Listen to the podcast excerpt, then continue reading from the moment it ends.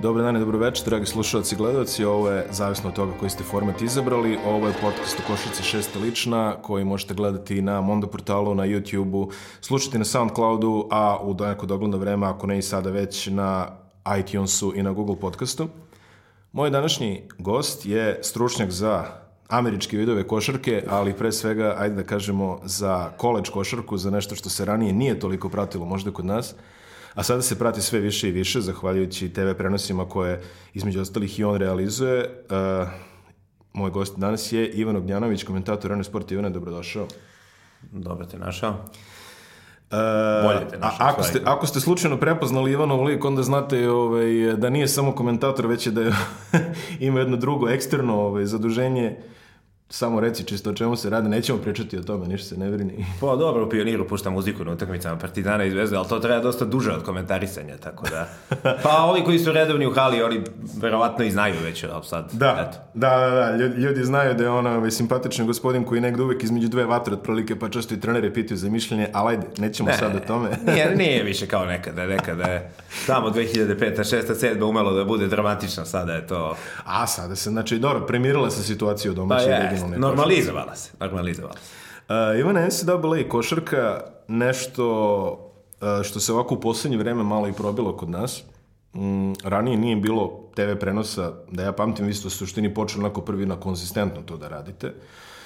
Uh, ja kada premotam film, moje znanje o NCAA i košarci se bazira na tome da je moj otac, kad sam ja bio jako mali, znači sredinom 80-ih, je išao poslom stalno u Severnu Karolinu i onda je stalno donosio majice, dukseve i sve to meni nepoznatih košarkaških klubova, to jeli nisu klubovi nego programi, kako se to stručno kaže u toj struci. U to vreme ne samo tebi nepoznatih, mislim da je tada bilo... Um, I imao sam tako neke ono razne Duke, UNC, Duke, UNC, Duke, UNC. Mislim da je više naginju na Duke, da li sam mu rekao da ja volim plavu ili tako nešto, te, te nijanse. Ma dobro, i ovi su nešto pla, plavkasti, a ovi su baš izrazito plavi. I pričao mi je kako je gledao Jamesa Wortija dok je igrao za UNC, ja znao Jamesa Wortija iz Lakersa, jeli, sad da mi neko kaže, to je bilo meni ravno kod da ti kaže, e, gledao sam, ovaj, ne znam, Đorđevića dok je bio na pozemici u, ne znam, FAP-u ili, Da, da, da, ili da. gde već taj, taj neki nivo. Ali prvi prenos koji sam onako svesno pogledao i čega se svesno sećam je 97. Final Four eh, koje je prenosila tadašnja BK televizija. Mislim da je kolega Ilija Kovačić bio komentator i tad sam gledao Final Four, ti ćeš me dopuniti, ali ja znam da je bio UNC sa Antonom Jamesonom, Pa Arizona je osvojila, Miles Simon je bio... Miles Simon i Mike Bibby. Da, Simon koji je, i Jason Terry. Simon koji je par godina kasnije bio pominjan za povećanje za zvezdu, možda neka 2003. četvrta, ne znam da li se... Simon koji nije ostvario neku profi karijeru, Da, mislim da da. igra u Švedskoj. Ako, Da, da, da, da. Pa nešto- dobro, posle je na ESPN-u radio kao analitičar i to. O Majku Bibiju sve znamo i bio je Kentucky današnjeg trenera Panathinaikosa. Da, Kentucky koji je 96. sa Pitinom osvojio, mislim, tu treba pomenuti šta je Pitino napravio, ajde kad si već pomenuo. Naravno, naravno. On je došao početkom 90-ih, znači imao je prvu odličnu epizodu na Providensu, krajem 80-ih, tu je između ostalog Billy Donovana, trenera Oklahoma, Oklahoma City je trenirao sada. Uh, onda Nixi, solidna je bio epizoda u odnosu na Boston, odlična. I onda uzima Kentucky koji je u ruinama u tom momentu, kazne, suspenzije, NCAA i tako dalje i tako dalje. Diže Kentucky, titula 96. nestvarno jaka ekipa koju je predvodio Antoine Walker, nekih 7-8, možda i više NBA kasnih igrača. 97. je taj poraz na Final Fouru i onda odlazi u Boston, što se nije lepo završilo, a Kentucky sa Tabijem Smithom na klupi 98. uzima titulu, znači da je ostao Pitino, to bi bile dve titule u tri godine. Mislim, mnogo je teško vezati tako nešto u NCAA-u, realno to na jednu utakmicu kad odigraš može raspoloženje jednog igrača, neko ti pogodi 5 od 5 trojki. Uostalom videli smo Virginiju sada prošle godine prvi put od 85. se igra ovaj sistem turnira gde učestvuje taj broj ekipa, da 16. nosilac u regionu dobije prvog, prvi put se sada desilo iz 136. pokušaja, tako nešto, taj neki univerzitet Maryland, Baltimore County, mislim, koji se verovatno neće skoro pojaviti na bilo kakvoj mapi bilo čega, je izbacio Virginiju u prvoj rundi i e, ja sam uvek zamišljao, to i u prenosima često kažem kad radim Virginiju, zamišljao sam da jer to je iznenađenje ono ranga da, ne znam, sada ovaj Sveti Đorđe na kupu pobedi Zvezdu, na primjer. To je otprilike to, po mom mišljenju. I ovaj, uvek sam zamišljao da će ta utakmica da se desi tako što će to biti neki ludački šut u posljednjoj sekundi, ne mora s pola terena, ali neka akcija, neko ubacivanje, neki igrač pretrči i pogodi. Međutim, oni su dobili Virginiju 20 razlike. Virginiju, pričat ćemo posle malo o njima, to je nemoguće pobediti 20 razlike. u tim koji tako igra kao Virginia, tako da eto, Generalno, uh, Pitino je vrlo lako mogao da ode u Boston sa dve vezdane titule, ali ta, kad je ta jedna utakmica, to raspoloženje, to je nešto poput možda NFL play-offa, gde nema popravnog. Ja pokušavam da se setim ko s njima bila glavna zvezda. Ron Mercer, čini mi se. Jeste, pa jeste, to su. Da, onda je pokupio par njih u Bostonu, Walker, Walter McCarthy igra u Bostonu, kasnije isto takođe. Um, kada smo, sad, si malo pre spomenuo, znači, ovaj, e, evo, spomenuo si neke stvari zašto ti voliš NCAA. Kako si ti počeo da pratiš otprilike, osim onog, e, što bi se reklo, jeli, pratimo NBA, pa onda vidiš ko je dakle došao, što bi, da. E, ist- Isto kao ono, album sa sličicama, kad uzmeš, znaš, pa kao, e, ovaj igra ovde pre, ovaj Jeste, igra pa ovde i NBA i pravo da ti kažem i ovi igrači koji su dolazili ovde kod nas, Partizan Zvezda, generalno Evropa, ono pogledaš, aha, vidi, ne znam, lupam sad, evo ga Blake Step, Gonzaga, ajde da vidimo šta je to Gonzaga, mislim ti sad znaš Gonzaga kao to je John Stockton i sad ti da vi, ajde da vidimo e, ko je još igrao, mislim, naš stan kakav je bio internet u to vreme, ajde ti si imao malo bolji, verovatno, tamo gde si živeo, ali kao sad da vidiš ko je još igrao na Gonzagi, pa tako kreneš malo, pa dobro i onda već sad nešto kasnije se kod nas pojavio na ESPN America Nesan, u stvari prvo kako Da. bio kanal, e, i onda preko tu je bilo stvarno mnogo prenosa i tu, tu sam počeo da gledam i onda je stigao taj March Madness 2010. gde je ja, ti i ja smo zapravo na areni uradili onaj bejsbol prvi koji si sredinom pominjao takođe, e, to je bio april 2010. u stvari, a taj, znači tada sam ja počeo da radim de facto na areni, znači skoro 9 godina.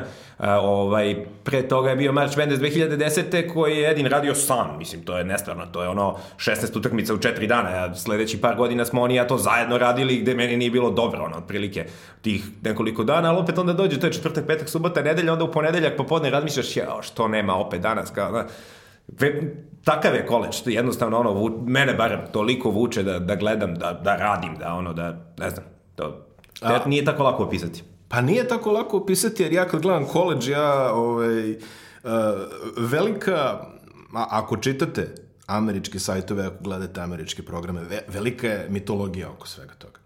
Oni strašno drže do koleđ košarke. Znači, e, kada, kada pitate prosječne, ja mislim da u Americi ima mnogo više NCAA ljubitelja košarke i čak i više ljudi koji se, više ljudi se onako spontano uključi u NCAA playoff nego što se uključuje u NBA playoff. NBA playoff, ok, desi se generacijski neki duel kao što su Cavaliers i Warriors ili kao što su Lakers i Celtics, ali NCAA svake godine izbaci nešto koji, koji okupira ljudi, ono, taj e, bracket koji ćemo isto spomenuti posle, ti fenomeni. Generalno NCAA, onako, veliki je to mit. I onda kada pratite američke medije, vi vidite onu, kad krene mart, već malo i pre marta, sve onako stane. Znači, e, čak i NBA se ne igra za vreme E, mislim da je počelo sada da se igra kad je finale Final Fora, nije se do skoro, ali sad prošle godine je bilo nebitno. Ali eto, slučaju, jasna je point. I, jako, uh, jako drže do toga. I onda, kada čitaš te medije, jednostavno, to te uvuče nekako. Znači, to, to, je, ne, to je neki moj utisak. Počneš ovaj prosto da da pratiš i da se angažuješ. E Sad, ja sam teo ti kad ti kažeš ja volim, mene vuče. Ja kad gledam NCAA, ja se fasciniram količinom nekih fundamentalnih grešaka i frustriraju me a, a, ono, pravila iz uh, 1863. otprilike. Ono, se ali igraju- popravljaju. popravljaju. Ali i, i, ima, ima to neki šarm. Recimo, u NCAA utakmici sam Ajde, u stvari, sad smo to videli u Euroligi kad je i Tudis zamenio celu petorku Panathinaikos, a, izvinjam se, CSKA protiv Zvezde, ali e, u NCAA sam to vidio redovno, da čovjek onako izbaci celu petorku, ko, ko hokejaški, onako, celu liniju povuče i vrati nazad.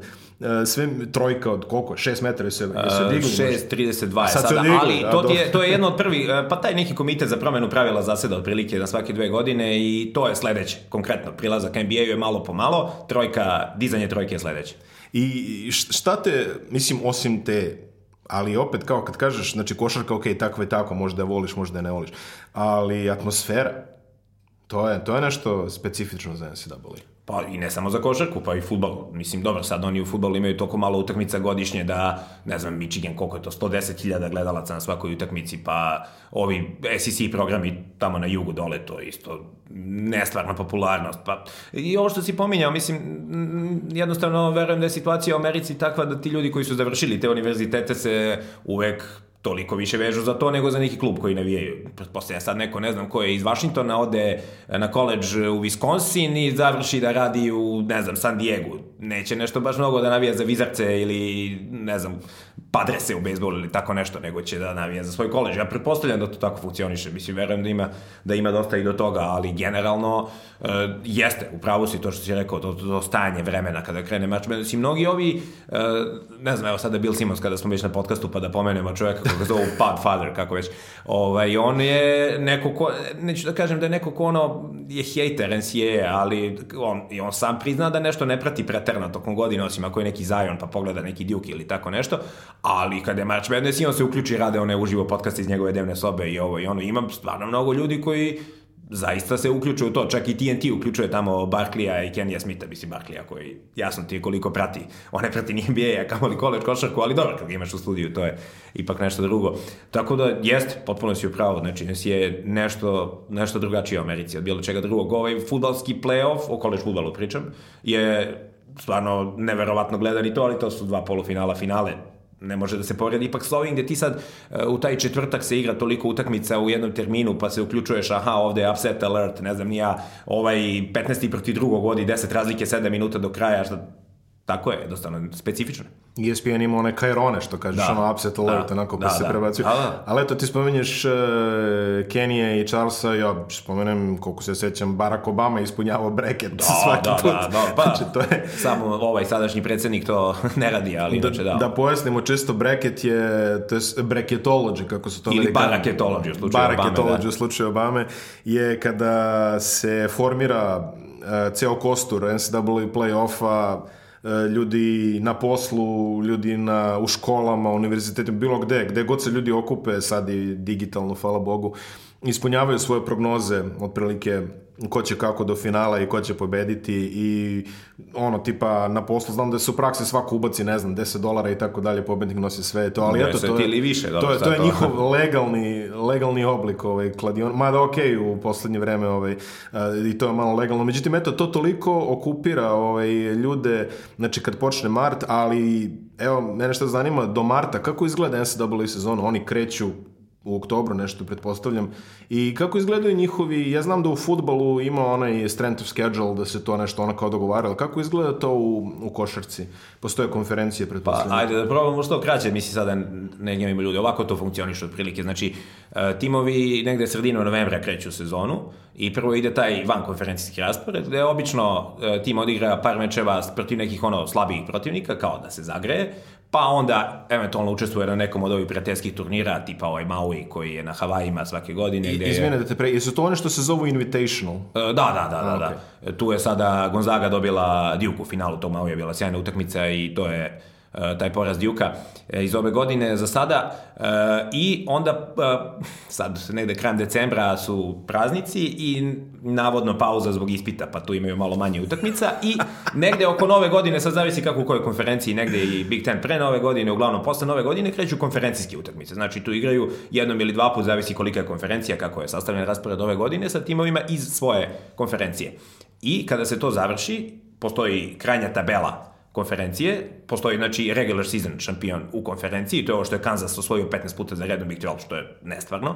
E, I onda sledi konferencijski turnir. Svaka konferencija ima svoj turnir i e, 32 konferencije postoje, ukupno 353 ekipe i šampion svakog konferencijskog turnira ima svoje mesto na March Madnessu. Znači 32 ekipe su zaključane kao šampioni konferencijskog turnira. Ivy Liga je bila jedina koja nije imala turnir, sada su i oni ubacili ova Štreberska liga. Ivy liga, to su univerziteti Harvard, Harvard Yale, Yale, i tako da. Uh, I ovaj, znači, kada se završi konferencijski turnir, te 32 ekipe su sigurne, tu nema šta, a preostalih 36, pošto je 68, ima onaj first four, pa ostane 64, uh, dobijaju te što se zovu at large bidovi. Znači, komitet pravi to po tome što si govorio. Znači, gleda se, ima ta neka nova metrika, net se zove, u RPI se zvala stara, da ne komplikujemo, to je sad već previše.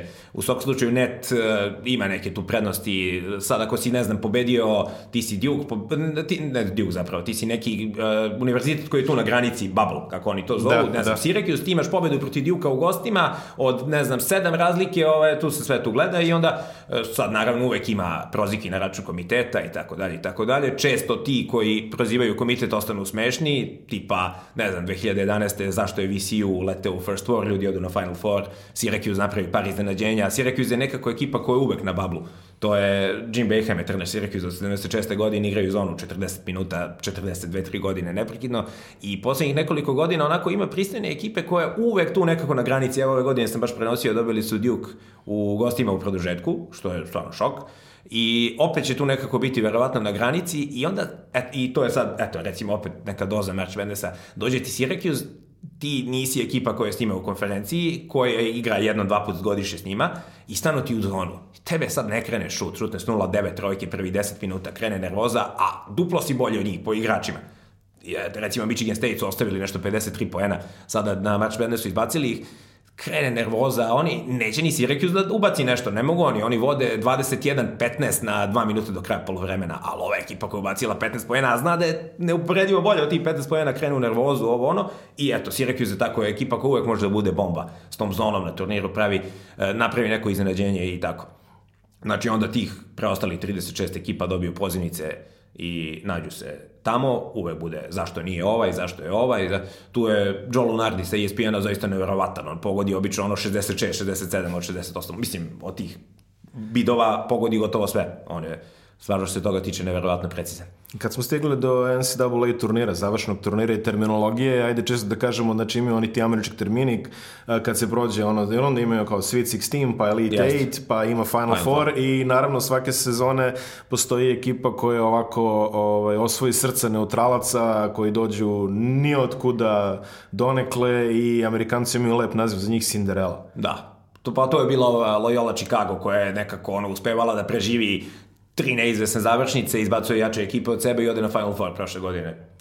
To, I to je još jedna od tih stvari koje obično će, zamisli, sastanu se Duke i Loyola Chicago. Koji procenat Amerike će navijati za Duke u toj utakmici? Znači, osim ako nisi ono alumna i Duke, ja ne vidim kako će iko navijeti, to ti je otprilike ono, ne znam, New York Yankees, to je gore nego New England Patriots, mislim, u, u NFL-u, otprilike, ko će? Važno je ovde spomenuti, ja sad kad kažeš Duke je bukvalno američki ekvivalent ono Real Madrida, Just. znači, a ako se iz Madrida ili iz bliže okoline, to je tvoj klub i najbolji na svetu, ostatak Evrope bi hteo da te ubije, otprilike najrađe, a to je Duke u Americi, ja mislim da oni čak imaju što ključnu metriku kao, ba, bukvalno ostatak Amerike ne podnosi.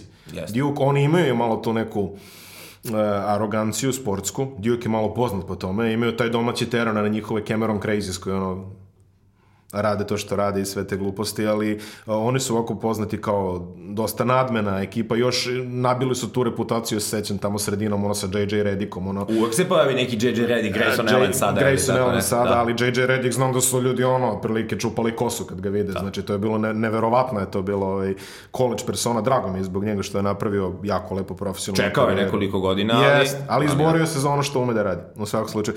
Uh, kako izgleda tekuća NCAA sezona, kako nam stoje stari prijatelji, evo, pomenuli smo Duke i naravno u Duke-u imamo Zajana Williamsona, čoveka koga već ljudi hajpuju kao novo, najnovije nešto što je novo, što će biti u NBA, kako pa to već ide. Uh, zaista jeste novo, jer mislim, igrača tog dimenzija, tih dimenzija nisi, ne znam, nismo imali, to je neki, ne znam, ofazini linijaš u NFL-u, otprilike, koji skače do vrha table i evo sada sam radio tu Virginia Duke utakmicu gde sam DeAndre Hunter iz Virginije koji isto otprilike neki ono top 15 pik, verovatno možda i više, prima loptu u desnom korneru, ja kažem Hunter sam na šutu, odjednom on je izblokiran. Ja rekao, dobro, možda sam malo preterao kada sam rekao da je sam na šutu, ide usporeni snimak, čovjek ovako jeste bio malo niži pas, on prima loptu, ali je sam. I odjednom se pojavljuje Zajon koji naskače tu na polu distancu ispred njega, znači dosta daleko od njega, skače i blokira ga. Smečuje to, ja to su neke stvari, evo sada je bila ova slika, ne znam jesi video protiv Louisville neko veče kada je ovako rukom stisnuo loptu,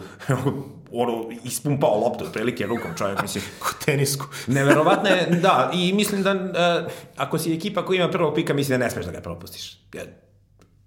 Šta god mislio, ne znam, toj njegovoj težini i koliko će ta kolena moći da mu izdrže. Po meni on izgleda kao neka reinkarnacija Shona Kempa, otprilike. Ono kao Ali dosta upgrade, upgrade da. Sean Kemp. Pa Jim Beheim je rekao nešto o Barkley koji nije debeo. Sad da li nešto Barkley iznervirao Beheima, nisam siguran, pa ga je zato, pa ga je zato uporedio, ali zaista je neverovatno snažan, neverovatno skočan. Dobro, treba mnogo da radi na šutu za tri poena, ali Da, to, to, to me zanima. Da li, da li današnji NBA može da istoleriše igrača koji ima pretenzije da igra krilnu poziciju, a nema neki razređen šut za sada? Da li on može, mislim, Ja računam da on u NBA neće preskakati igrače ko što preskače u NCAA. Ajde, računam, nisam siguran.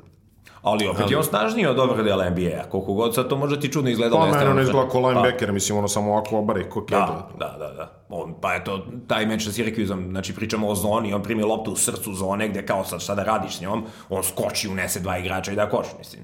To je tako izgleda na kolež nivou, ali kažem ti, uh, mislim, ako imaš prvog pika, sad ajde, ovo, Nixi, Durant, Irving i sve ostale priče, ali ne može da propustiš tog igrača, jednostavno to je ono, Pa u najgorem slučaju napunit će sale, ko što si ti rekao. Upravo to, upravo to, punit će hale, tu nema greške. E sad, e, ako gledamo u neku malo dalju budućnost njega, znači sada ne uzimamo uopšte u obzir, e, znači računamo da se razvije ono, skroz u redu, da će biti ono, neki superstar u NBA-u, ne, ne mora da bude naravno LeBron James ili tako nešto, pričamo sad o nekom, ono, znači za 4-5 godina, kada otprilike mu dođe vreme za onaj neki drugi Supermax, već koliko, koliko god će biti. E sad, da li, taj drugi Supermax možda već ima potencijala, mislim sad da pričamo o dalekom, dalekom potencijalu, ali taj drugi Supermax već ima prostora da se malo treseš ako mu daješ, mislim sad ja ne znam ni kakav će on biti igrač i sve to, nego zdravstveno pričam, čisto Da, zdravstveno. veliko opterećenje za čovjeka koji toliko Jeste, skače na tu jeste. težinu, na tu... To, mislim. to delo je malo kritično, mislim, evo, sad gledam ovaj ugovor Johna Vola, ja ne znam, ovi ljudi u Washingtonu mogu da se posle Arinasa stiže im Vol 10 godina kasnije, mislim, drugačiji problemi, ali... Otplaćivaće ga. A, da, pa mislim, to je neverovatno prosto, ali dobro, stvarno, mislim, kažem, Zion je igrač koji ne sme da se propusti, tu nema nikakve dileme i pričamo o budućem prvom piku, mislim. I samim time Duke koji je građen oko njega, hvala Bogu, sa Majkom Kšiževskim, trenerom koji je tamo isto ono, šta, od, od 80. neg, negde od početka 80. drugog svetskog rata, da. Pa tako Ovaj, izgleda, da. tako I ne, onako izgleda da se ne menja čovjek, neverovatno. Ne. Kada pogledaš ono, ne znam, pošteno. 95. je nešto zdravstveni problemi, ovo ono, pa sad oni nekad puste te klipove u prenosu, čovjek izgleda isto kao sada, da. Isto uvek smiren, onako odmeren, sve super. Neverovatno, eto, Duke koji smo rekli toliko omrznut, a trener koji je toliko je tu, ono, kao da je u nekom vakumu, znači dalje od ovih uh, Dukeovih negativaca, otprilike. Pa jeste, i vidiš kako nekako, evo sad pomenut ćemo posle taj skandal u kolež košarci i to sve, te FBI istrage i tako dalje, koje baš tresu sport generalno. I sad recimo evo Kansas je tu sada koji je isto ono istorijski uz Kentucky i verovatno najveći program Duke jeste pod vođstvom Majka Šiževskog napravio čuda pet titula i tako dalje, ali istorijski gledano Kansas i Kentucky su dva programa sa najviše pobjeda. I UCLA je bi rekao, jel? Do, da, da, da, UCLA posle Johna Woodena, ali konkretno najviše Da, pobjeda. da, da, da, da. nije važno, uopšte, naravno, to je UCLA, u svakom slučaju i North Carolina, Duke i tako dalje, ali ova dva imaju najviše pobjeda konkretno, znači Kansas, koji je sada tu pod FBI udarcima, imaju tog jednog e, on bi bio sada startni centar, pošto im se startni povredio. Uh, Silvio de Souza, to je momak koji je došao iz Kameruna na Floridu, on otprilike kada je sa Floride otišao u Kansas, prvi put je video, prvi put je obukao jaknu, nije imao jaknu u životu i tako dalje. Uh, hoću ti kažem da je on, uh, njegov staratelj u Americi, kada je stigao, je primio od nekog čoveka iz preko Adidasa 2500 dolara kako bi ga ovaj odveo na Kansas, otprilike, da igra tamo. I kada se to saznalo, sve šta dalje, sad on sedi, ne igra. Prošle sezone igrao nešto malo, sad Kansas nije smeo da ga uvede da ne bi dobio brisanje sezone, i dobio je suspenziju za deo sledeće sezone i tako dalje.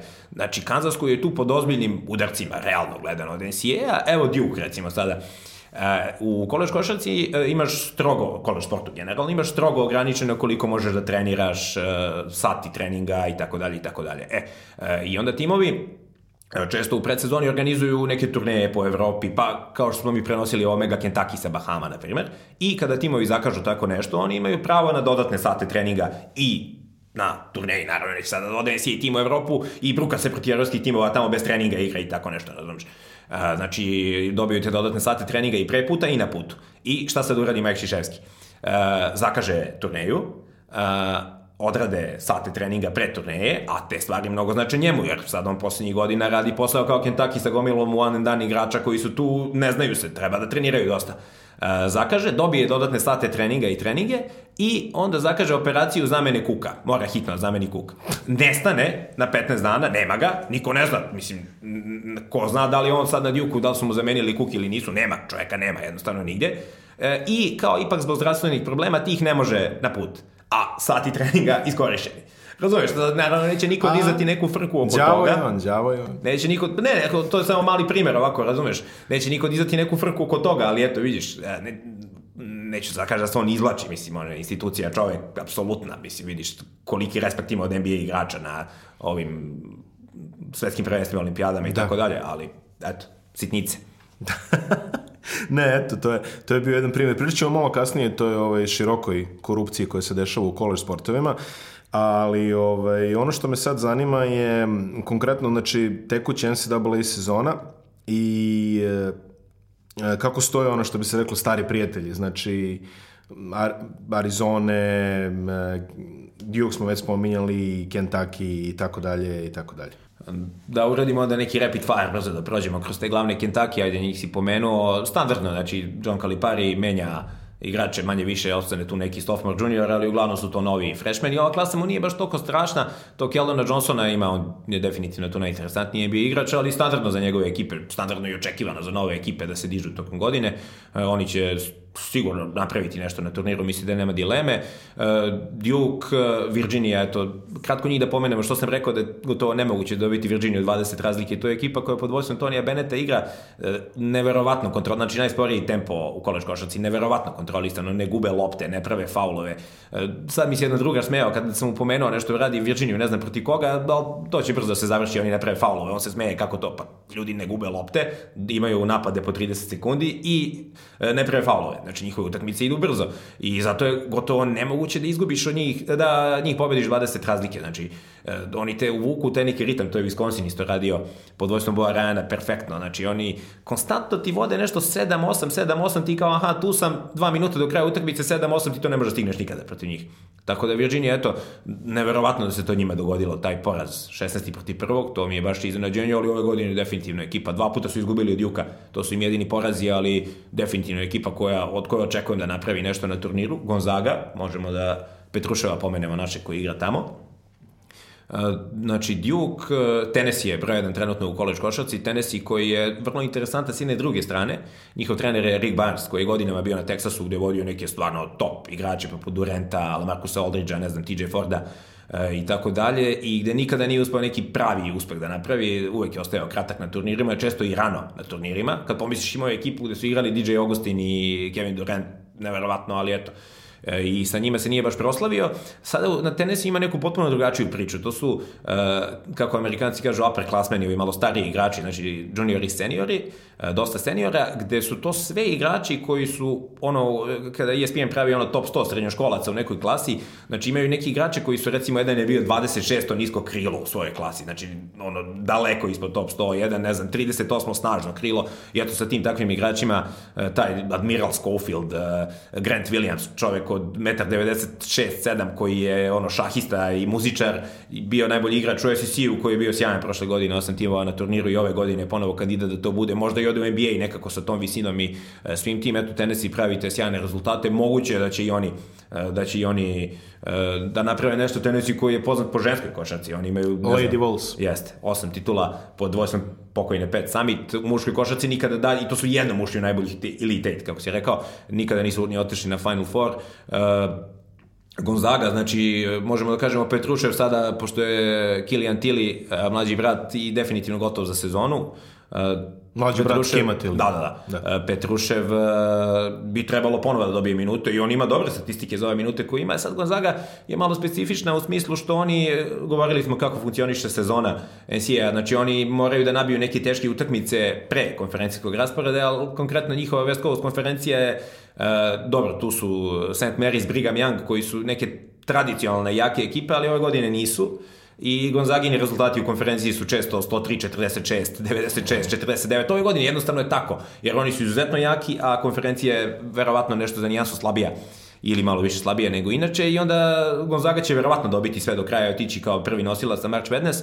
Mislim, potpuno zasluženo, nema tu šta. Nisi ti kriv što si da. u, u takvoj konferenciji. E, I tako da, konkretno za Petruševa koji je igrao malo više dok je Tili bio povređen, pa opet Nije igrao, ali mislim da će, mislim da će sada igrati više u nastavku sezone. Eto, treba ispratiti te njegove E, Petrušev nije jedini naš igrač u NCAA programu, ima ih još nekoliko. Da li bi nam rekao nešto više o njemu? Pa izvukao sam tu neke proseke sada, da ne bih sad ono ne znam šta pričao. E, imamo sina Željka Rebrća na North Dakota, on je na nekih 8,5 poena, 6 kokova, 22 minuta po meču za igrača prve godine, odlično. E, imamo Luku Brajkovića na Deviconu, mislim da on igra za mlade reprezentacije Austrije, ako sam sad e, dobro zapamtio, on je 11 poena po meču, e, on je freshman, ima tih nekoliko igrača naših porekla, ne znam, Nik Rakočević, USC, uh, taj uh, Dejan DJ Vasiljević na Univerzitetu Miami koji je fantastičan šuter. Uh, tu je uh, i Saša Stefanović na Perdiju takođe izuzetan šuter. Uh, čudi me da, da, mislim da on sad, izvinjavam se ako grešim, ali mislim da on ima pravo, da je bio na nekom širnom spisku čak neke ove naše mlade reprezentacije, da ga nisu pozvali sad to već. Nismo baš poznati po pozivanju vrhunskih šutera u mlađe selekcije, ajde, to je tema za neko drugo. Ima tako još nekoliko interesantnih igrača našeg porekla, taj John Conchar sa Purdue Fort Wayne, on je senior koji ima neke ono neverovatne procente šuta već godinama, ono dve ukradene lopte, jedna i po blokada, 19 pojena, 8 skokova, nešto poput Franka Kamiskog koji je sada u NBA-u, koji je isto neko daleko naše poreklo, ali eto, kada se pogleda, to su ti neki naši, da kažeš, po znacima navoda, Vasa Pušica koji igra na, to, na Northeasternu, koji je ok program skroz u uh, uh, konferenciji, on je transfer sa San Diego, on je na 17 pojena po meču kao senior, sada 35 minuta po utakmici, tako da eto, ima, ima nekoliko tih naših. Kažeš, rekao si John Concha, ja sam se tiltovao, meni je pao na pamet John Concha. A, John Contract, ja. da, da, da. Dosta mi je postoji. Mi imamo i nekoliko naših igrača po high school programu, čejem Balša Koprivice. Da, on ide na Florida State sledeći sezon i mislim da je to dobar potez, jer on malo je pao na njim rangiranjima, oni ranije godine, koliko sam pratio, je bio i top 10 u toj klasi, sada je oko, na ESPN, to kažem, ne mora ništa da znači, apsolutno, je 40 i neki, ide na Florida State, gde je trener uh, Leonard Hamilton, koji je bio trener uh, u Wizardsima svoje vremena. Dobar program. Da, da, da, program. odličan program. Dobro, njima je futbal naravno na prvih 10 mesta, pa onda sve ostalo, ali odličan program. Michael Ojo, eto njega gledam, on je sa Florida State gde nije igrao, do duše bio je tamo neki 9 i 10 igrač u rotaciji, ali njega smo ovde u domaćoj ligi ispratili skoro odatle. E, mi smo i ranije imali naše, ajde ne samo naše, da kažemo regionalne igrače koji su odlazili u NCAA košarku. Imali smo Luko Pavićevića koji je igrao u Juti, pa se vratio i bio prvak Evrope sa Jugoplastikom. Imali smo Zorana Radović, isto jedna velika karijera, pa on je počeo na State-u. Imali smo, eto, dopunim slobodno, znam da je ova dvojica sa LSU-a. Zoran Ivanović, da. Zoran Ivanović i Nebojša Bukumirović. Znači, bilo je, bilo je tu ono američkih đaka. Mirko Pavlović igrao četiri godine na South Illinois, čini mi se zaboravio. Pa, ne zaboravimo Krešimira Ćosića. Krešo Ćosić koji je rodonačnik. Brigham Young. Brigham Youngu. Uh, imamo dosta tih primjera, ali ono, ono što sa, a sad imamo i ovih svežih primjera, znači imamo jeli, Stefana Jankovića, imamo uh, Nikoli, Ristića. Nikoli Jovanovića, Dušana Ristića, ljudi koji su igrali, Dušan Ristić koji igrao Arizonu tvrdo, četiri godine bio tamo starter sa DeAndre pa, Aytonom. Kad... njemu, da, nekako, on baš nije imao sreće, mislim. U smislu da je otišao tamo, bio je ovaj Tačevski, Tarzuski, kako god hoćeš da ga zoveš. Uh, Caleb koji je realno, mislim, dosta skroman igrač, ajde to tako da kažemo, ali mislim, zna se tamo neki status, ako si junior, senior, neće freshman, osim ako nije Ejton ili Zion Williamson startovati pre tebe. I onda, eto, nije imao sreće s tim i onda mu je stigao i Ejton poslednje godine i nekako je stalno bio u senci i mislim, kad god smo mi radili Arizonu i što sam ovako ispratio i pročitao i tako o njemu, on je stvarno, što se njegove igre u napadu tiče, tu nije bilo nekih primetbi, ali jednostavno bio je e, tanak malo u odbrani, malo ovako sporiji, odbrane pick and rolla, a znaš šta se, šta se traži u današnjoj košarci i onda da. pretpostavljam da mu i to malo e, umanjilo ulogu u nekim momentima nekih sezona, ali e, mislim što se njega tiče ovako, ja mislim iskreno da on nije pogrešio što je otišao. Mislim, odigrao je, bio je tamo četiri godine top programu, ne diplomirao. Da, imao. Upravo to. to. To sam prvo da kažem, ne mogu da pretpostavim koji su to uslovi koje košarkaši Arizone imaju. To je za uslove naših klubova ili tako nešto, većinu klubova u Evropi nestvarno. Uh, I diplomirao, što je najvažnije. I sada bi to pomenuo, rekao si već da hoćeš da pričamo o tome. Da, da, ali e, samo bi te pre, da. presekao ovde na moment, evo, ja sam sad spomenuo, znači, spomenuli smo Luku Pavićevića, Zorana Radovića, um, Krešu Ćosić, između osnovno, znači naši košarkaši bi išli u NCAA, vratili bi se iz NCAA programa i imali bi za, zapažene karijere. Sada, meni se čini, možda je to samo moj otisak, ali kad se vrate igrači naši iz NCAA pa počnu da igraju ajde Jadransku ili čak i Euroligu, oni deluju kod da su došli iz nekog drugog univerzuma. Znači, lošije im ide aklima, reaklimatizacija na evropsku košarku. Šta se, jesmo se mi promenili ili se NCAA promenila? Ko tu stoji u mestu? Pa ne znam, zapravo da ti kažem za to ne znam šta bi ti rekao. Da, ima, ima definitivno takvih primjera za to što kažeš, ali sad da li ja imam, nemam neko pravo objašnjenje da ti dam za, za tako nešto. Mislim da ne bih rekao ni da je donesi, možda je negde u sredini, ne znam, ne bih rekao da je to donesi NCAA, mislim da...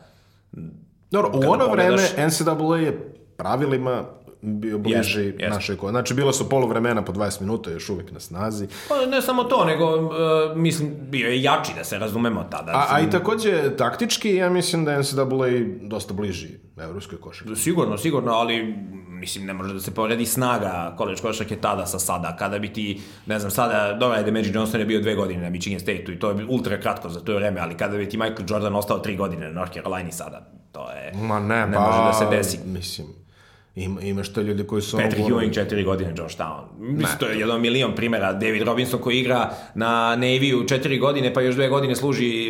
Da, služi- Znači, draftovan 87. došao 89. sa 24 godine, pa David Robinson bi sada 82. došao u NBA da je prilike ono, ne znam da li bi, da li bi provukao nekako tu reklasifikacija četvrte godine srednje škole, nešto bi izbrzio na Navy i došao otprilike, to bi tako izgledalo, mislim, čovjek s takvim telom da se pojavi.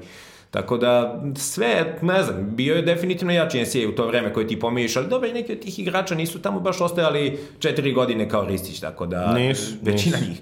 Tako da, mislim da je malo i do kvalitete NCAA, a mislim da je malo i do promene u evropskoj košarci, da se neki ipak drugačije stvari traže sada nego tada, kao i u ostalom suda u košarci. Mislim da, da je ono kombinovano, jedno i drugo. I, I sad da se vratimo na ovo što ste pričali, znači kažeš kakvi uslovi ima Arizona, šta, šta bi kao mladi igrač koji, koji ima pred sobom opcije, može nastaviti profesionalno da igra u Evropi sa 18 godina, a može otići u NCAA. Št- Šta je kad staviš na 100 plus i minus e, za odlazak u, u američku košarku u koleđ nivo? Pa mislim da bi tu prvo trebalo da razgraničimo to na e, neke kao top prospekte, pa čak možemo i Ristića da, mislim, zaista je bio cenjen kao mladi igrač, nema šta, u svojim generacijama, možemo u to da uključimo. Prvo bih rekao nešto o ovim igračima e, niže klase, znači igračima koji tu sa, ne znam, 18-19 godina, pa i manje, 16 zapravo, kad se već odlučuje da li će ići na koleđ, sad si ti, ne znam, evo, u juniorima Partizana, Zvezde, nije važno, ne bude sad da izdvajam jedan klub. E, ti si tu u juniorima Partizana, Zvezde, vidiš da si neki deveti, deseti igrač za pitanje da li, sad, da li ćeš da porasteš, da li ćeš da se razbiješ, da li ćeš ovo, da li ćeš ono, ali vidiš da ti je možda neki vrhunac KLS, neka, ne znam, Rumunija, Bugarska, Kipar. Ja mislim da takav igrač, ako ima šansu da ode, a ima, ima, hvala Bogu, puno koleđa, prva, druga divizija i tako dalje, mislim da treba da odeš. Uh, jer uh, za početak najvažnije je ovo što ti je rekao diploma. Igraćeš tamo četiri godine na koleđu, znači ostvarit ćeš taj neki san svoj sportski šta god. Uh, znači to je neka atmosfera, tamo ćeš ta posvećenost, već smo govorili o tome, ljudi okolo, publika i tako dalje, i dobit diplomu. I šta se onda dalje dešava? Ja znam i ovako neke primere tu iz ono, tvojih, mojih generacija, tu smo relativno bliski, ljudi koji su tako bili ono, taj nivo, znači bili bi u Ligi Srbije da su ostali ovde, e, završili bi sa 31-2 godine i šta bi onda dalje radili? Mislim, čime si se bavio ti pa da sad znaš nešto da radiš, kod, ono, sedeo bi po kafićima, potrošio te pare ako ti je nešto ostalo i e, mislim da je tim igračima idealno zato što e, na tim univerzitetima postoje ti boosteri, kako amerikanci zovu, znači bivši studenti obično koji daju, pomažu finansijski koleđu i ti boosteri, mislim, koji imaju mogućnost da pomažu koleđu, imaju mogućnost i da verovatno te zaposle u nekoj svojoj firmi, da radiš nešto, ti imaš diplomu, radiš, tamo, mislim, to Amerika tako funkcioniše, mislim, ne, da ti si dobio tu diplomu, to je diploma koja je cenjena u celom svetu, na kraju krajeva, nije samo u Americi. Tako da mislim da tim igračima iz te klase, neke koje bi ono se tu vukla po KLS-u i tako nešto, pravi put to, po mom mišljenju. Sad, ne znam, naravno ima tu mnogo faktora, da li on može izdrži da ode od porodice, da li može ovo, da li može ono, ali mislim da to je. Sad to prospektima, Pa mislim da oni treba da ono analiziraju situaciju koliko god je moguće da sad kažem Risi stvarno nije imao sreće da se tu pojavi Ejton d- gde je Arizona u problemu zbog Ejtona, mislim, zbog načina na koji je on došao tu i tako dalje. Po, pomenut ćemo te. Da, on stvarno nije imao sreće što se toga tiče, što se tiče tog nekog prostora, ali sad mislim da i to prospektima ne može da škodi. Evo recimo imamo e, za ovo prethodno imamo primjer Nikola Vučevića koji je otišao na USC, e, ja sad nagađam, ali mislim da on tamo završio na otac koji ima u košarci i tako i ovo i ono i ja mislim da on otišao tamo pre svega sa idejom da završi koleđ i to, jer on u prvoj sezoni i nije imao neku ulogu, to je bilo nekih desetak minuta po meču i onda je eksplodirao u drugoj, pogotovo u trećoj i evo ti sada šta je Ali, ali Vučević je, mislim, otično što bi se reklo punim putem. Ja mislim da je on bio neki high school transfer, da je on imao neku prep, ovaj, tamo pripremu, da je završio valjda četvrti razred srednje. Ali, Tamo, pa dobro, mislim, otac mu i sveta košarke, nema šta. Naravno, ali- naravno, naravno. Ali mislim da je, sad, verujem da je njegova originalna ideja bila pre svega da se tu završi univerzitet, diploma, odigra košarka, pa A, posle ja. može da bude profesionalac. Ja verujem da je on, ne, mislim, nema razloga da nije verovao da će biti profesionalac, a sad... Ali šta mu fali? Ali, upravo to. A, a s druge strane, eto, ako imaš prospekta Luke Dončića, njemu bi bilo gubljenje vremena da ode u NCAA. Pa, dobro, to ti je isto kao za američkog igrača od 17-18 godina, high school seniora, mislim, šta. Dobro, Dončić je bili idealno da odigra u Realu, ne, ne može Ne, sad- naravno, ali znači, On, je, on je u Realu bio u situaciji da ima profesionalni ugovor, znači on je već dovoljno dobar, videli smo i vidimo i svaki dan vidimo da je on dovoljno dobar da igra profesionalnu košarku najvišeg nivoa. Onda u tom nekom slučaju možda je njemu kao profesionalcu koji je predodređen za velike stvari malo i gubljenje vremena da sad on ode u, NBA, u college i tamo ono one and done i ajde da. Dobro, ali ipak Dončić, kada se pojavio igrač Ne, ne, koji ne, je tako naravno, izdominirao naravno. ligom. A i sad je bio uh, kod nas u emisiji Miško Ražnatović, baš je pomenuo, sad svi pričamo o Dončiću, a prethodni iz Reala je bio Mirotić, šta je sa rupom između. Da. koliko imaš igrača koji su Barcelona B i tako to, koji, evo, baš i on isto pomenuo Kuruksa koji je u necima sada, koji u Barceloni B igrao tu nešto, da li za prvi tim Barcelona išta je i uradio. Koli, kad samo pogledaš tu po španskoj ligi, ne znam, Lude Hakanson, aha, mladi tim Barcelone pet godina ništa, evo ga sad, e, ne znam, Estudiantes, ono Ajde, tako. ne budemo prestrogi, ali Stefan Peno je takođe ono... Da, pa ima, diplomac, ima. Ono, mi ima to, ima tu Ima gomile. zaista gomila igrača koji, Markus Erikson, koji je sasvim pristojan igrač na španskom nivou sada i tako to, mislim, stvarno mnogo igrača koji su tu izdangubili nekoliko godina i tako da i sa te strane možeš da predstaviš, možda da je otišao ovamo, dobro, naravno da za Dončića, uh, ali evo recimo sad, ne znam, Boriša Simanić, sad, evo, uh, bila je ta neka priča oko njega i Kentakija sad, ajde, ne znam ni ja. Nešto se spominjalo, Nešto da. se spominjalo, da, ali ja verujem da John Calipari nije došao njemu i rekao dođi na Kentucky da se dokažeš, nego mu je verovatno, je, bi bili neki minuti u pitanju ponuđeni. Pa sigurno. E sad iz ovog ugla gledano, uh, kod uh, Dejana Radonjića, iz kog već sad razloga, ali on ima neke minute, ne znam nija. Da li bi mu možda bilo pametnije da otiše na Kentucky igrao 30 minuta? Ne znam. Možda, možda tamo ne bi mogao ništa, možda bi se vratio odmah i ne bi mogao da... Ali imaš i tih igrača, eto, on je to prospekt. Znači da je možda otišao, možda bi bilo nešto drugačije. Evo sada je dobio šansu konačno u Zvezdi ove godine i odigrao odlično ovo kada je igrao. Pretpostavljam da da će i u nastavku isto tako imati šanse igrati dobro, ali generalno on je jedan od tih primjera top prospekta koji je možda mogao da ode i možda bi bolje prošao, ali dobro, evo sada je krenulo i njemu dobro, srećom, tako da Ali, ali to što ti kažeš, znači ako je Kalipari došao njemu, znači došao mu je Kentucky. Ako će Kentucky da, da uveze igrača koji nije Amerikanac, to je, znači, za tog igrača ti ideš ono, što bi rekli Englezi, teraš ugalj za Newcastle. Ove, znači, dolaziš bukvalno ono na, na njihovo tamo. Znači, uh, imaju dobar razlog da dovedu, sigurno bi imao neki plan, ne bi ga doveo da mu sedi tamo po pet minuta. Tako da, uh, zagrebali smo sad ovu priču koju bi hteo da, da krenem sledeće, to je uh, NCAA je u, u suštini jedna jako konzervativna organizacija. U, svim, u svim sportskim aspektima, ne samo košarka, već i futbol i, i tako dalje. I e, ti si spomenuo e, FBA skandale, spomenuo si e, te istrage i, i sve to. Znači, mi sad svi znamo, znači, evo čak i ljudi koji paušalno prate NCAA košarku, mi svi znamo da niko tu nije pravi amater. Znači, svi oni u nekim kapacitetima ispod žita ovako, onako, kroz ove i one kanale imaju ti boosteri i sve to, pa onda ono kao uh, sportska oprema i, sve, i to čini mi se nešto polulegalno, ovaj, ti endorsementi i te neke stvari, sad oni to menjaju. I jednostavno dolazimo do situacije da NCAA kao organizacija promoviše amatersku košarku sa trenerima koji su plaćeni 10 miliona godišnje i mislim, aj lupio, ali ni- nisam daleko, jer tako, Kšiževski je nešto... Ne, ne, uopšte, ne, ne, ne, ne, nisi uopšte kakvi daleko i mislim, samo zamisli koliko futbalski program, ne znam, univerziteta Ohio State zaradi od karata, od TV prava svega za godinu dana, to je... I onda, znači, kada neko nekome tu stane na žulj, dešavaju se retroaktivne istrage, pa čini mi se da je ceo Final Four Michiganovo nešto ono obrisano prilike. To, da, Chris Kalipari, gde god je bio je obrisano, Massachusetts, Memphis, brisan je svuda, sad, sad, sad na sa Kentucky jedinom nije. smo spominjali, u Louisville je bilo tih skandala, znači sa svi tih propratni. I, i, e, kako je zapravo ovaj, rešenje, kako bi NCAA mogla sebe da uvede u neku sferu sportske, ajde da ne kažem relevantnosti, oni su dovoljno relevantni, ali da kažeš da ljudi ne upiru prstom na ulici i kažu "E, koga vi zezate da ste vi amateri. Mislim, realno to. I šta, šta uraditi sa pravilom one and done koji obesmišljava NCAA košarku u nekom vidu kao uh, pripreme za, za NBA. Pa, prvo da ti kažem, mislim da je velika nepravda što su ti igrači neplaćeni. Ja se slažem s tobom. A Pa, ako trener plaćen toliko koliko šta, a on... Pa ne, to samo kada pogledaš koliko se zarađuje od njih, pa to je ono što Jalen Rose voli da ispriča ja to često kažem, e, kada su on, to je Fab Five na Michigan, on, Chris Webber, John Howard, Jimmy King, Ray Jackson, e, koji, to je bilo tada, u to vreme, 91. druga, treća, to je bilo nemoguće da pet freshmana startuje za takav program kao što je Michigan i pravi takve rezultate. Bili su na korak do titule oba puta, ali nisu A onda je. Chris Webber zvao timeout. Da. Pa dobro, da, ali, dobro, ali, mislim, jeste, da, da, ali malo je nepravedno prema njemu. Jest, Mislim, to je slažem generalno slažem bila izgubljena utakmica. Slažem Imali su slažem se. šanse, ali uh, hoću da ti kažem da Ali morao si, uh, se. Jalen priča kako su sada njih petorica, ne znam, trojice, nebitno kogod je njih bio tu, uh, ono, otprilike ispred McDonald'sa skupljaju, ono, prebrojavaju pare koliko imaju kod sebe, šta mogu da kupe da jedu pre nego što uđu, da se ne brukaju, a radnja pored, uh, ono, dres Jalen Rose, Michigan 79-95, ono, razumeš? I sa on skuplja pare za McDonald's, kako, mislim.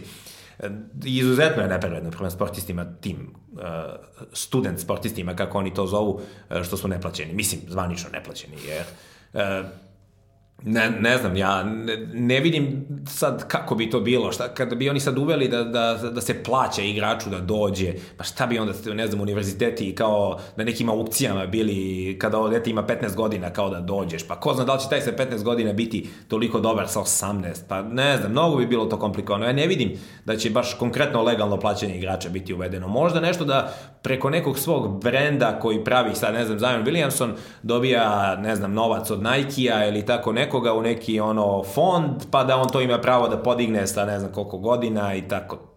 Možda nešto tako da je ne rešenje, ali ovako da budu legalno kao plaćeni, da igraju za platu ili da, e, ne znam, njihove porodice dobiju novac da oni tamo odu, to legalno ne vidim. Evo sad je bilo, e, kada pričamo o tim nekim interesantnim detaljima, neki ono, ono, otprilike nebitni novinari iz Kentakija u nekim ono polu nebitnom mediju, sad da li online ili štampan i dalje, ne znam, ni ja objavio kao kako on ima dokaze da je uh, Anthony Davis dobio novac da ode na Kentucky. Mislim, to je pretpostavka svih da je tako, ali to su stvari koje zaista teško mogu da budu dokazani. Onda je skočio Davisov otac, mi ćemo da ga tužimo, mi ćemo njemu da pokažemo ko je, šta je, uh, i naravno da tužbe nije bilo, baš treba Kentucky sada ta neka tužba da se vuče po sudovima, da FBI malo zagleda zaista šta se radi na Kentucky malo detaljnije, ovako su oni tu ispod radara i rade, mislim, pa jeste tako i Sean Miller, Arizona je baš žestoko udarena skandalom i tu su neki pomoćnici stradali i tako to. Uh, Sean Miller je rekao, uh, ono što sigurno mogu da vam kažem je da nećete naći uh, tele, snimak telefonskog poziva na kome se ja čujem kako pričam o tome da ne znam, Ejton prima pare.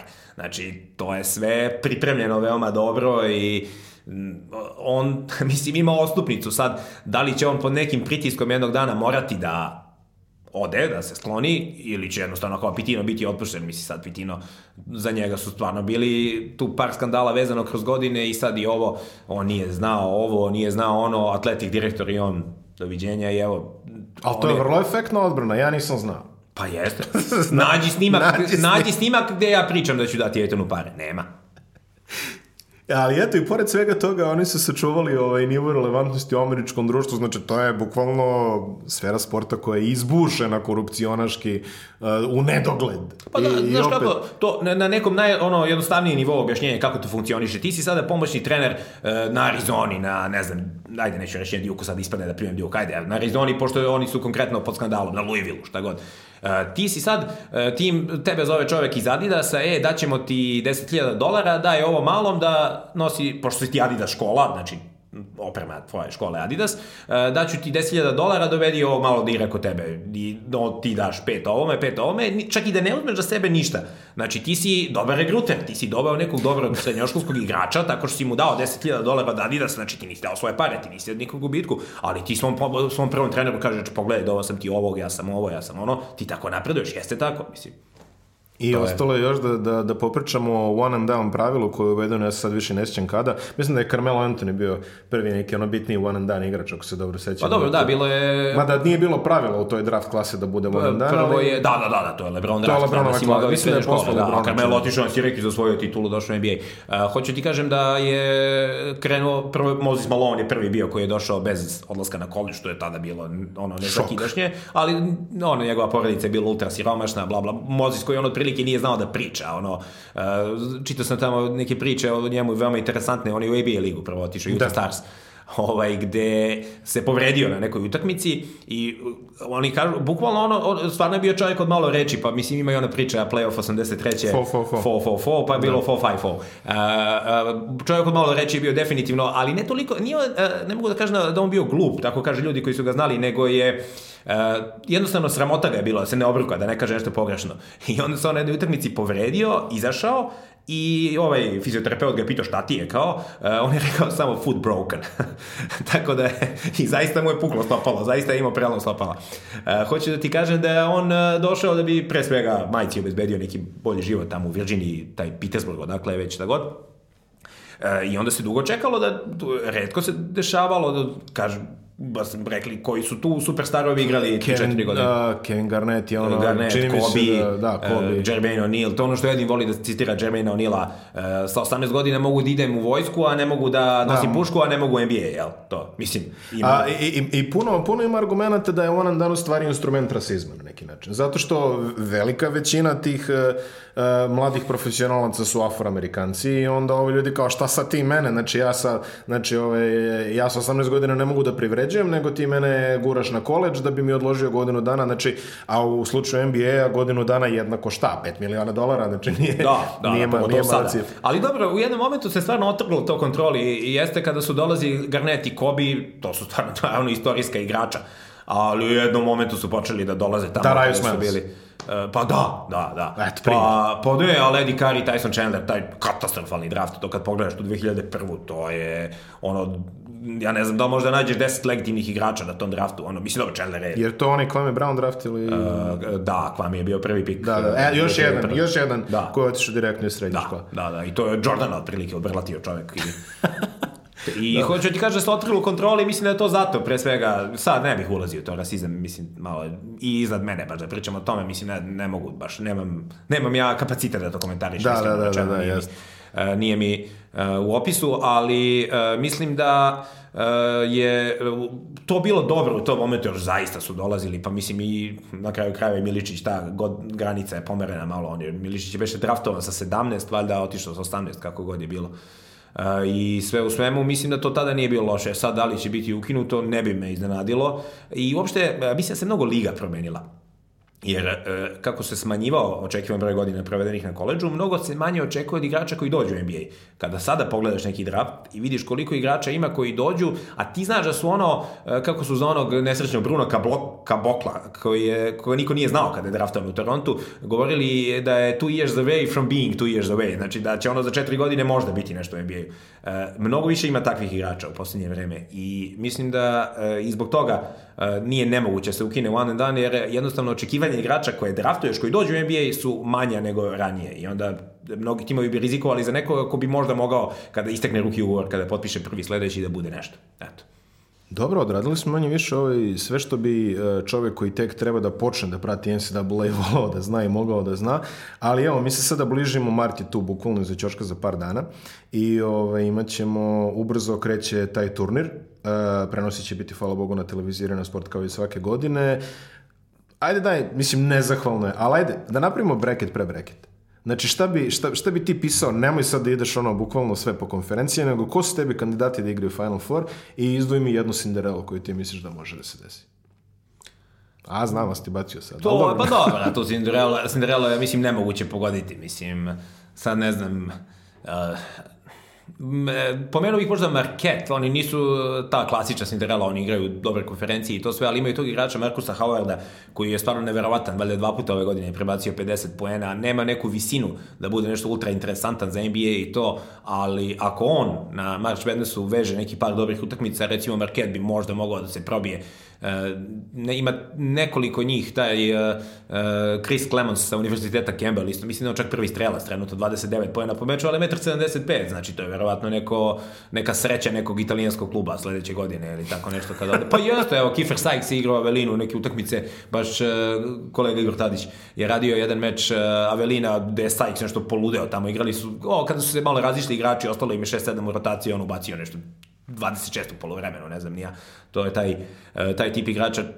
takvog bi nekog možda tražio. Ima uh, Southern konferencija, je to kada pominjemo te neke slabije konferencije, dobro ove godine tu Univerzitet Furman koji je dobio Villanovu, koja je šampion, mnogo slabije nego prošle godine, ali šampion, uh, Wofford East, Tennessee State.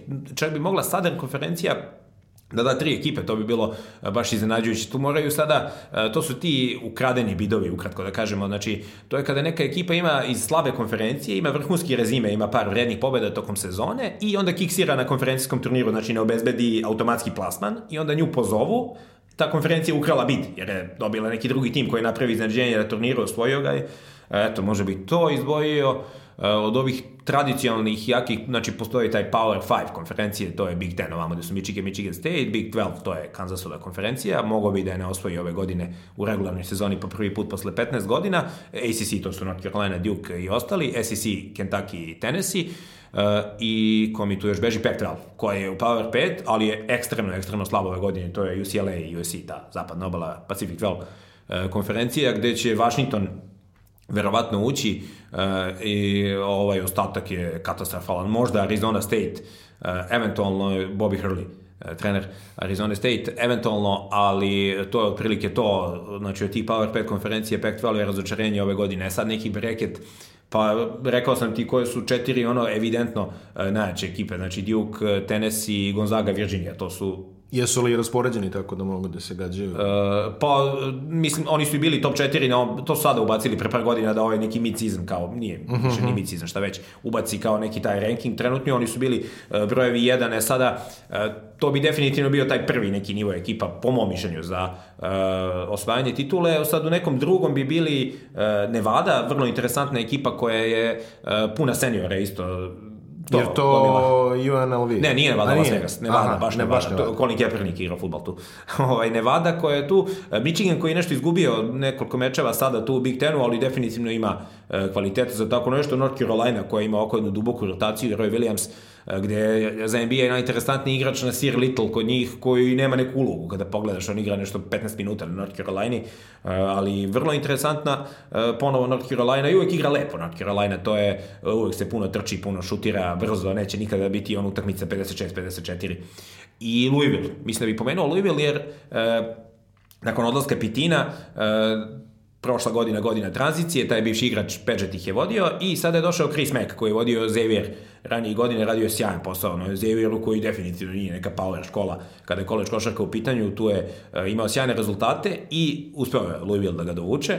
E, I obično je ta, kako funkcioniše kada dođe novi trener u koleč košarci, znači prvo nekoliko onih igrača koji su se nekada davno komitovali za Pitina odustane, pa ovaj šta je radio prošle godine, koga je mogao da privuče tu skandal, ovo ono, nema nekih top novih igrača, e, a ovaj novi će tek svoje da dovede od narednih godina. I sada on tu pokupi neke ono graduate transfere sa neki drugi koleđa i on je uspeo da napravi takvu ekipu da evo sada recimo dobije North Carolina 20 razlike u gostima, sada je ispustio 23 razlike kod kuće e, od Duke-a prošle nedelje i tako.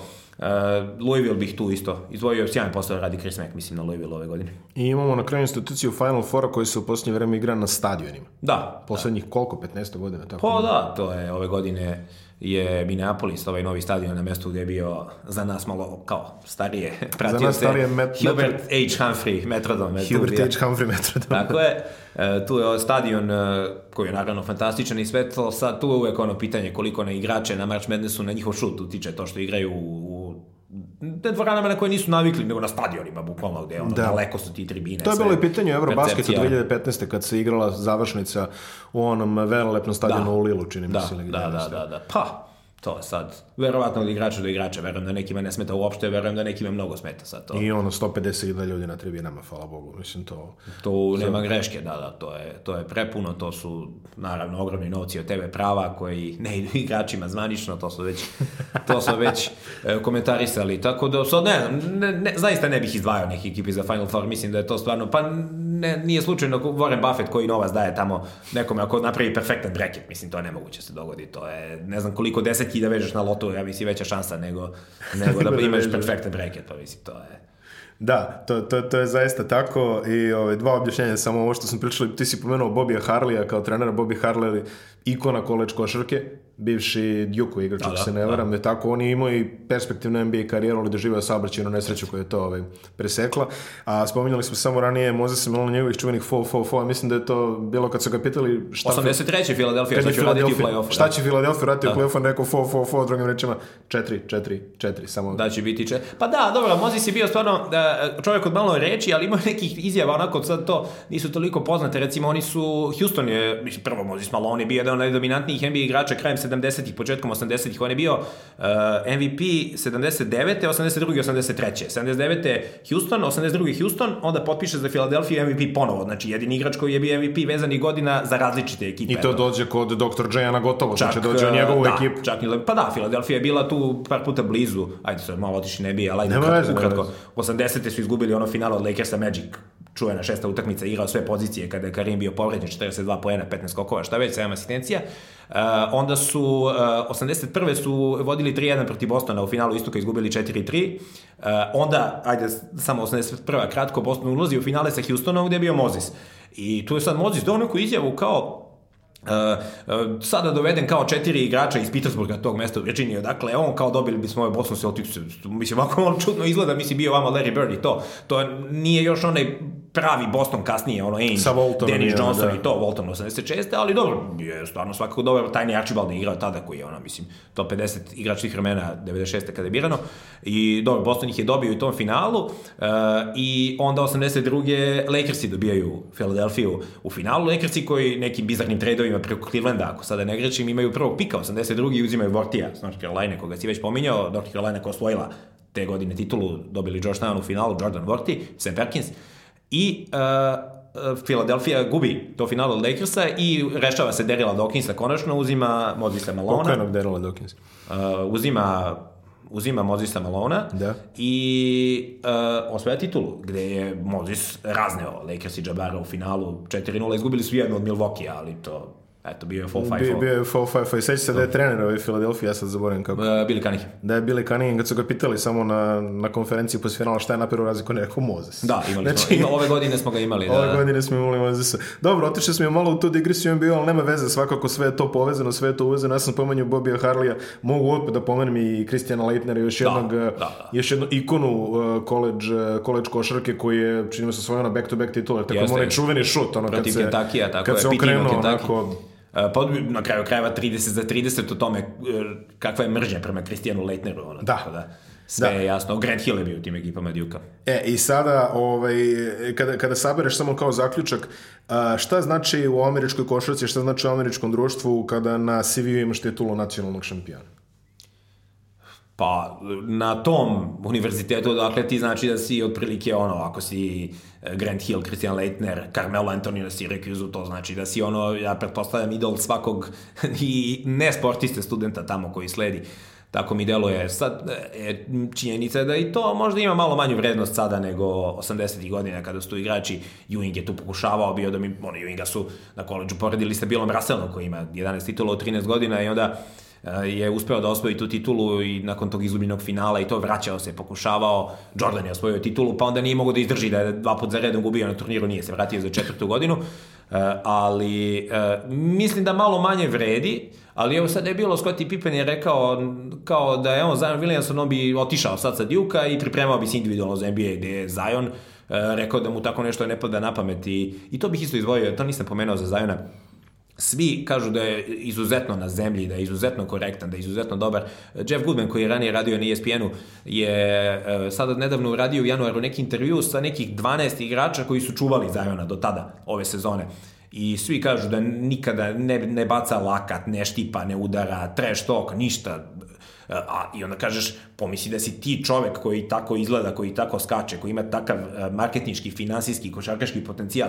Mislim, kako bi se suzdržao da budeš tako fin? To je još jedan interesantan, čini mi se, podatak o Zionu Williamsonu, ovako, da je on neko ko je totalno, totalno zemlji. A pritom, pre par godina su izlazili konstantno ovi klipovi njegovi iz srednje škole gde čupa table, lomi obruče i sve to. Mnogi su pomislili da, aha, dobro, ovaj zakucava preko svih, neće moći ništa. Nije se tako za sad ispostavilo. Da, možda Uh, tako bude. Tako i- da kažem, evo vidiš, i on takav, sa takvim mogućnostima, takvim potencijalom na svim planovima e, je svestan koliko bi značilo da Djuku koji ima pet titula od te, te Leitnera i te ekipe, znači početka 90-ih na ovamo, koliko bi značilo Djuku da se osvoji ta šesta titula za Coach K. Znači, i takav igrač koji zna da će završiti posle te jedne godine i neće, šta, šta će biti za njega Duke, pojavit će se nekad na utakmici, pretpostavljam i to. I, a, evo, i onda gledaš šta radio sam tu, North Carolina, Virginia utakmicu, Jordan dođe, tu Mitch Kapček, Buzz Peterson i on sede zajedno, pa dođe ti, m, realno, za mene najbolji sportista svih vremena, ajde sad, verovatno najbolji košarkaš mene, svih vremena, da. I dođe ti i gleda tu utakmicu, pa tamo skače kada je Marcus Page pogodio ono A, protiv, vidio sam te, vidio sam te, protiv da, da, da. Villanove, dobro, posle su izgubili, ali pazi, to znači Jordan, koji je realno, ko, gde, se, gde on pokazuje emociju tamo kad udara Malika Manka po, po glavi i šta već, ono, znaš, mislim da to stvarno njima, što bi se reklo, radi ih mnogo. Mislim da je to baš... E, ali evo, spomenuli smo opet Križevskog, ali samo da kažem, znači, imamo tu instituciju NCAA igrača šampiona. A šta znači trener šampion? Čoče, John Wooden, ja mislim da je on ono... Pa da, dobro. Kad, kad, kažu. Ameri- kad kažu Amerikanci trofejni trener, ja mislim da će ljudi prvo da kažu uh, John Wooden, uh, Coach K, uh, Rick Pe, pa će tek onda da pričaju o Philu Jackson. Znači, Jeste. za njih je ta institucija učitelja, trenera, mnogo veća nego, nego profesionalnog trenera. To jeste, mislim da to... Da, to ne može da se pojmi šta je šta je Mike Šiševski recimo na Duke, Jim Boeheim na Syracuse ili tako neke stvari. Mislim da to ne može da uopšte da, da ovde tako nešto ne postoji. Mislim, ne znam.